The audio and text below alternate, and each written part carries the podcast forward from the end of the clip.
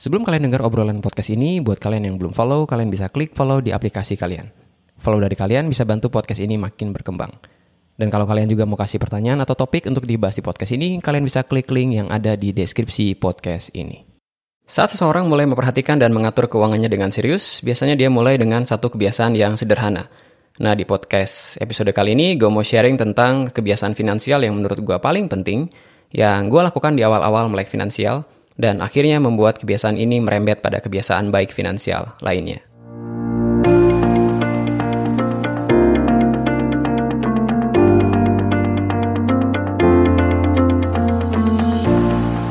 Halo semua, semoga kalian semua dalam keadaan baik dan sehat. Balik lagi dengan podcast Pak Kris. Dan buat kalian yang pertama kali denger, ini adalah podcast yang isinya tentang semua obrolan yang bisa membuat kalian mengembangkan potensi yang kalian punya. Dan di podcast ini temanya itu tema bulanan dan kebetulan di bulan April ini temanya adalah tentang keuangan atau melek finansial. So, gue mau recap sejauh mana obrolan kita di bulan ini. Yang pertama, um, di dua minggu pertama di bulan ini gue ngundang uh, tiga orang teman. Yang pertama ada Temi.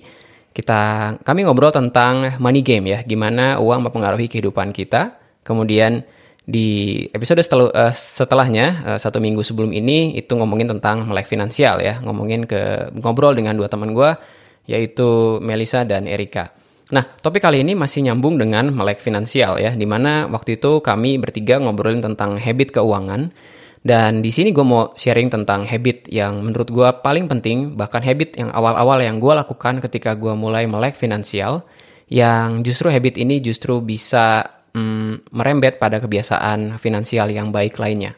So, dari teori habit yang sempat gue sharing juga di podcast ini, bisa dibilang habit ini adalah habit yang keystone ya, keystone habit, di mana keystone habit itu adalah habit yang paling penting, yang punya bobot lebih besar dibandingkan habit lainnya, yang bisa menjadi katalis atau yang mempercepat kita bisa menguasai habit lainnya. So, apakah habit itu? Nah, habit itu adalah giving atau memberi. Nah, ini mungkin counterintuitif. Um, gue sempat banyak baca tentang kebiasaan keuangan dan biasanya mereka atau influencer atau banyak orang yang ngomongin tentang kebiasaan keuangan itu biasanya mulai dengan satu teori atau dengan satu gambaran yang namanya piramida keuangan. Nah, piramida keuangan ini sempat dibahas juga oleh uh, Melisa, teman gue, pada saat kami ngobrol minggu lalu ya, di mana Piramida keuangan itu bentuknya piramida segitiga dan yang paling bawah itu menggambarkan atau memberikan satu habit yang harus kita lakukan dulu ya. Nah pada waktu obrolan minggu lalu Melisa bilang bahwa piramida yang paling bawah atau lapisan paling bawah adalah cash flow. Jadi kalau cash flow-nya sehat, kemudian ada juga ngomongin tentang utang yang tertata, kemudian baru bisa investasi dan sebagainya ya. Ada yang bilang cash flow, oh sorry, piramida keuangan yang paling bawah itu adalah tentang mengatur atau manajemen utang. Kemudian ada juga yang naruh piramida keuangan paling bawah adalah dana darurat ya. Dan buat kalian yang masih asing tentang piramida keuangan, kalian mesti cari tahu tentang piramida keuangan ini karena piramida keuangan ini yang bisa memastikan kita on track dalam keuangan kita dan kita nggak loncat ya. Sebagai contoh banyak orang yang loncat tidak melewati piramida keuangan yang benar, di mana keuangan dia nggak sehat, nggak punya dana darurat tapi berani untuk investasi. Ditambah lagi investasinya pakai minjem ke orang lain lalu bodong and then akhirnya bukannya dapat untung tapi malah dapat ya malah petaka disaster buat dia dan keluarganya dan nama baik juga dipertaruhkan di situ. So buat kalian yang asing dengan piramida keuangan cari-cari aja di internet pasti banyak di podcast-podcast juga banyak. So jadi piramida keuangan gue yang paling bawah adalah memberi atau giving ya. Nah kenapa itu it, uh, kenapa itu penting? Uh, belepotan sorry ngomongnya. Kenapa itu penting? Karena mm, menurut gue ketika kita memberi itu ada ruang yang lebih enak di hati ya gitu. Kenapa gue bisa ngomong gitu? Karena mungkin gue harus cerita kapan pertama kali gue mengembangkan atau memulai habit ini. Jadi ini juga counterintuitif. Ini terjadi di sekitar tahun 2017 atau 2018 ketika gue memutuskan untuk menikah dan saat itu lagi nabung, lagi keras kerasnya gue nabung untuk biaya nikah. Tapi kemudian gue merasa bahwa finansial gue nggak beres. Um, pertama kali gue nyadar bahwa gue nggak nyiapin apa pun untuk masa depan And then gue harus nikahin anak orang lain yang sekarang jadi istriku dan kami sudah dikaruniai oleh satu anak. Dan gue sangat bersyukur kebiasaan pertama yang gue lakukan pada saat itu adalah giving. Bahkan sebelum gue ngumpulin dana darurat dan gue bersyukur gue nggak sakit, gue hanya bermodalkan BPJS yang dibayarin oleh tempat gue bekerja di kampus di Unpar. And then gue memutuskan untuk memberanikan diri untuk memberi. Dan jujur di awal-awal itu sangat berat banget dan gue seorang Kristen for you for your information buat kalian yang kenal gue, gue termasuk orang Kristen yang ya bisa dibilang taat lah. Hmm, kadang gue juga diundang buat bawain banyak event di gereja and something like that. Tapi gue punya masalah pada memberi ini. Jadi gue nggak punya disiplin memberi dan kalau di iman Kristen itu ada yang namanya perpuluhan. Jadi setiap income yang gue dapat itu seharusnya gue belikan 10% ya untuk persembahan. Persembahannya bisa ke mana pun. But anyway kita balik lagi pada cerita di tahun 2017 atau 2018 gue lupa. Di situ gaji gue pas-pasan dan gue mengambil suatu keputusan finansial yang menurut gue sangat-sangat bodoh di mana gue ngambil um, kredit mobil dan DP-nya sendiri gue ngambil kredit di tempat lain. It's such a stupid action jangan lakukan apa yang gue lakukan. Jadi kalian kebayang ya, untuk bisa gue ngeredit mobil, maka gue butuh DP. DP-nya itu gue pinjam dari finance lain. So, gue sangat berat banget, gue harus setiap bulan, gue harus mengangsur kepada dua pinjaman. Yang pertama adalah angsuran mobil, yang kedua adalah angsuran DP-nya. DP-nya lumayan, bisa sekian juta, kemudian gue minjem dari ya finance yang lain, dan sisanya itu gue beliin komputer gue yang sekarang cukup produktif gue gunakan. But anyway, intinya gue melakukan suatu keputusan finansial yang gak bijak dan syukur kepada Allah, gue sangat bersyukur gue bisa melewati semua angsuran itu dengan baik. Sempat beberapa kali telat dan gue betul-betul berharap dari gaji bulanan dan ada orang yang ngundang gue di event gerejanya atau di event sekolahnya atau di event kampusnya. Karena pada saat itu gue mulai dikenal sebagai seorang public speaker. But anyway, gue memberanikan diri untuk take 10%, 10% dari income yang gue punya, kemudian gue berikan. Gue berikannya ada yang ke gereja, ada yang gue berikan kepada orang yang membutuhkan, dan sampai sekarang itu ada beberapa keputusan yang gue ambil. Uh, salah satunya adalah semua persembahan yang gue punya, ini bukan pamer, so for your information, itu gue berikan untuk jadi kakak asuh atau orang tua asuh kepada tiga orang anak yang uh, ya yang sekolah yang mungkin perlu dibantu dari segi keuangan. But anyway, back in 2017-2018, gue mulai berani dan guys, buat kalian yang mungkin mau pertama kali rutin memberi dan ngambil 10% dari pendapatan kalian, itu kerasa berat, kerasa berat banget ya.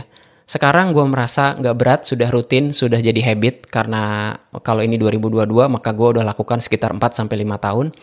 Dan gue sangat bersyukur habit itu membantu gue untuk take care semua urusan keuangan gue. Walaupun ya mungkin sekarang gue nggak bisa dibilang berkelimpahan atau banyak uang, karena ada satu kebutuhan juga di di diri gue dan juga keluarga. Tapi gue sangat bersyukur memberi itu memberikan gue banyak sekali benefit ya. Kok aneh ya? Padahal uangnya berkurang. Nah, di sini gue mau sharing apa aja sih yang gue dapat ketika gue mulai memberi. Apa aja sih yang gue dapat ya? Jadi uh, ah, gue mungkin ceritain dulu gimana caranya atau mekanisme gue untuk memberi ini ya. Jadi yang penting itu adalah pre-decide. Atau kalian memutuskan dulu mau ngasih bukan dari sisanya. Gue ulangi lagi Pre-decide artinya kalian memutuskan dulu ngasihnya itu di awal, bukan sisanya. Sebagai contoh, gue gajian tiap tanggal 27, dan di hari yang sama, atau paling lama tanggal 28-nya, itu gue langsung ambil 10%-nya, and then gue salurkan kepada tempat-tempat yang memang membutuhkan pemberian gue gitu loh ya. Dan sekarang paling banyak ke ke ya ke uh, tiga anak yang memang gue biayain pendidikannya secara parsial ataupun ada juga yang full ya. But you get my point. Intinya adalah pre-decide ya. Karena jujur kalau kita nyisain uang di akhir, itu nggak bakal ada gitu loh. Jadi gue sangat bersyukur dengan kebiasaan ini, dengan habit finansial ini. Once gue dapet um, income, tanggal 27 dari kampus, itu tanggal 27 atau tanggal 28-nya gue potong 10%-nya. Gue sendiri punya Google Sheets yang sampai sekarang masih rapih tersimpan di, di cloud yang rasanya itu rekor keuangan sejak tahun 2017 ya ketika gue memulai uh, melek, melek finansial ini. Jadi giving itu penting gue tempatkan di piramida paling bawah bahkan sebelum gue ngurus asuransi. Ya ini pilihan pribadi tapi buat gue ya giving ini kasih banyak benefit ya. Nah benefitnya apa aja? So yang pertama memang secara finansial kita bakal merasa kurang karena jumlah 10% itu lumayan besar. Ya kan, 10% lumayan besar, apalagi dengan sekarang yang pajak penghasilan naik jadi 15% untuk yang penghasilannya di atas 50 juta kalau nggak salah, itu lumayan besar. Dan jujur, gue kayaknya hampir setahunan, berarti kan 12 kali ngasih 10% itu, gue ngeliat itu gede banget dan kerasa berat banget. Sekarang, tenggat gue ngerasa udah mungkin karena udah habit juga akhirnya gue udah nggak pakai mikir nggak pakai sayang uang akhirnya gue kasih juga. So apa aja sih benefitnya? Dari tadi gue ngomongin benefit tapi nggak pernah diomongin. Anyway so apa sih benefitnya? Yang pertama gue ngerasa bahwa memberi itu ngasih giving itu membebaskan diri gue dari keinginan untuk membeli barang-barang yang sebenarnya gue nggak butuh. Gue ulangi lagi. Benefit pertama yang gue dapetin ketika gue memberi padahal nominal uang yang gue terima menjadi berkurang Ketika memberi itu membebaskan gue dari keinginan untuk membeli barang-barang yang sebenarnya gue nggak butuh. Terus be told, mungkin kalian ngerasa yang pertama kali punya uang dari penghasilan, ada banyak banget barang yang mungkin kalian nggak bisa beli waktu kalian kuliah atau ketika kalian belum punya pekerjaan, and then you want to buy it. Gue termasuk mas, ya termasuk orang yang terjebak pada hal-hal kayak gitu. Gue ngerasa ada banyak barang yang gue nggak punya, yang gue nggak gua nggak bisa beli ketika gue kuliah, dan gue kuliah cukup lama juga dari S1 sampai S3 gue nggak punya pekerjaan dan yang gue pengen beli itu banyak banget. Nah setelah gue perpuluhan, 10%, dan gue hanya hidup dari 90 persennya. Ini ngomongin sebelum gue berinvestasi ya, karena investasi gue baru mulai sekitar tahun 2020 waktu pandemi mulai. Itu ngerasa berat banget. Jadi 10% gue kasih, lalu gue harus hidup dari 90 persennya, yang sebenarnya nggak banyak buat lifestyle yang gue punya. Lifestyle-nya sendiri akhirnya harus gue press, dan akhirnya membuat gue terbebas dari keinginan untuk membeli barang frekuensi gue ngecek toko online jauh menurun drastis teman-teman. So kalau kalian mau coba untuk memberi, menempatkan memberi menjadi bagian piramida paling bawah, kalian bakal ngerasain itu. Keinginan lu buat beli barang yang sebenarnya lu nggak butuh, sebenarnya nggak esensial, yang nggak nambah value dalam hidup kalian, itu bakal berkurang drastis. Drastis. Dan itu yang gue rasain sampai sekarang. Oke, okay? itu yang pertama. Yang kedua, memberi memberi memberi itu atau giving itu itu ngasih gue rasa cukup ya feeling enough gitu jadi sebelumnya ini juga mungkin paradoks ya gue nggak ngerti lah tentang paradoks giving ini sebelum gue memberi setiap income yang gue dapat, gue ngerasa kurang aja gitu loh. Padahal itu adalah nominal yang besar untuk tinggal di kota Bandung. I feel lack of money. Gue ngerasa kekurangan berkat, gue ngerasa kekurangan uang once I get the income. Jadi waktu gue dapetin, gue ngerasa kok kurang ya. Gue cari deh tempat lain di mana gue bisa dapetin duit gitu ya. Dan gue nyadar banyak banget barang yang sebenarnya gue nggak butuh gue beli for the sake of lifestyle, for the sake of people's opinion about me tentang opini orang ini kita banyak ngomongin juga kemarin di obrolan dengan Temi tentang money game dan gue ngerasa itu useless. Akhirnya gue ngeliat di rumah tempat gimana gue sekarang berada itu banyak banget barang yang sebenarnya gue beli karena impulsif, gue beli juga karena promo atau gue beli juga sebenarnya nggak butuh-butuh amat. So ketika gue mulai um, ngasih giving ini 10%, gue ngerasa cukup aja gitu loh. Gue ngerasa cukup bahwa berkat ini cukup dan gue hidup dari sisanya.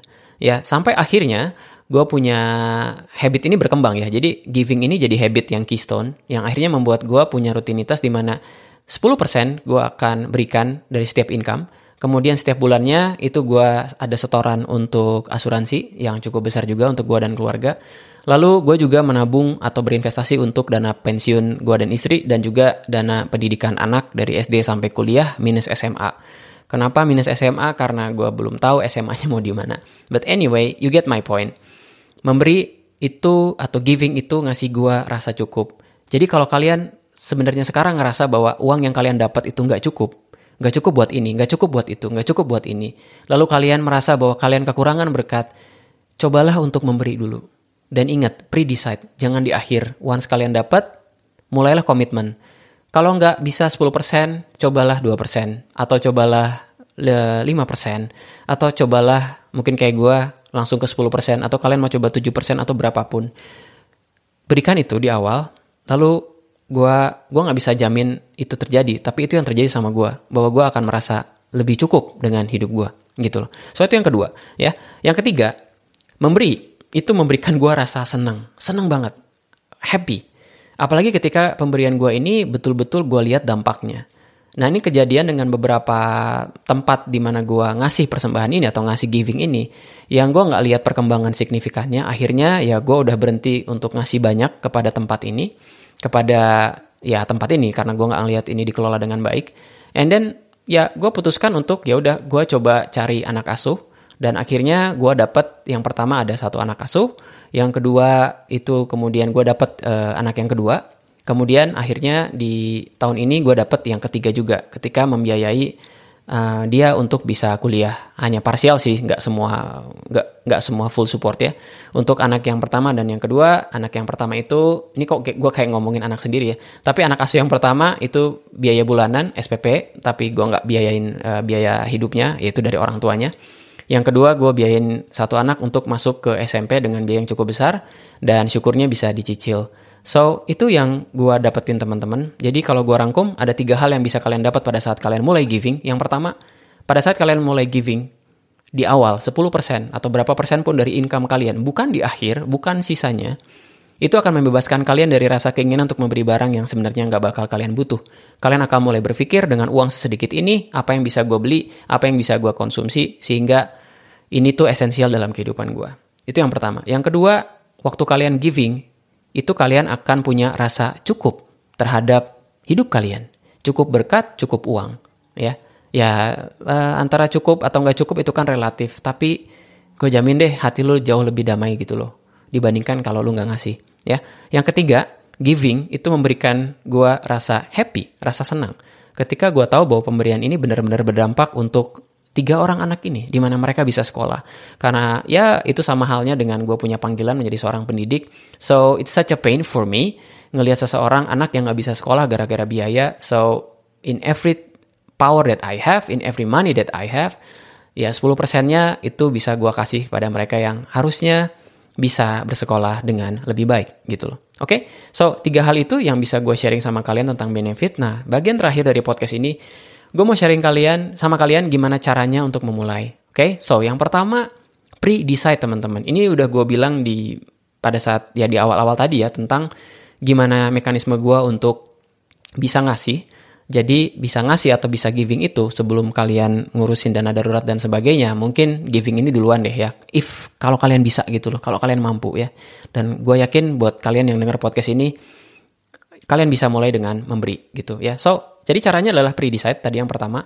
Pre-decide memutuskan di awal. Jadi kalau kalian punya gajian tanggal X, mungkin kalian harus segera potong 10 persennya.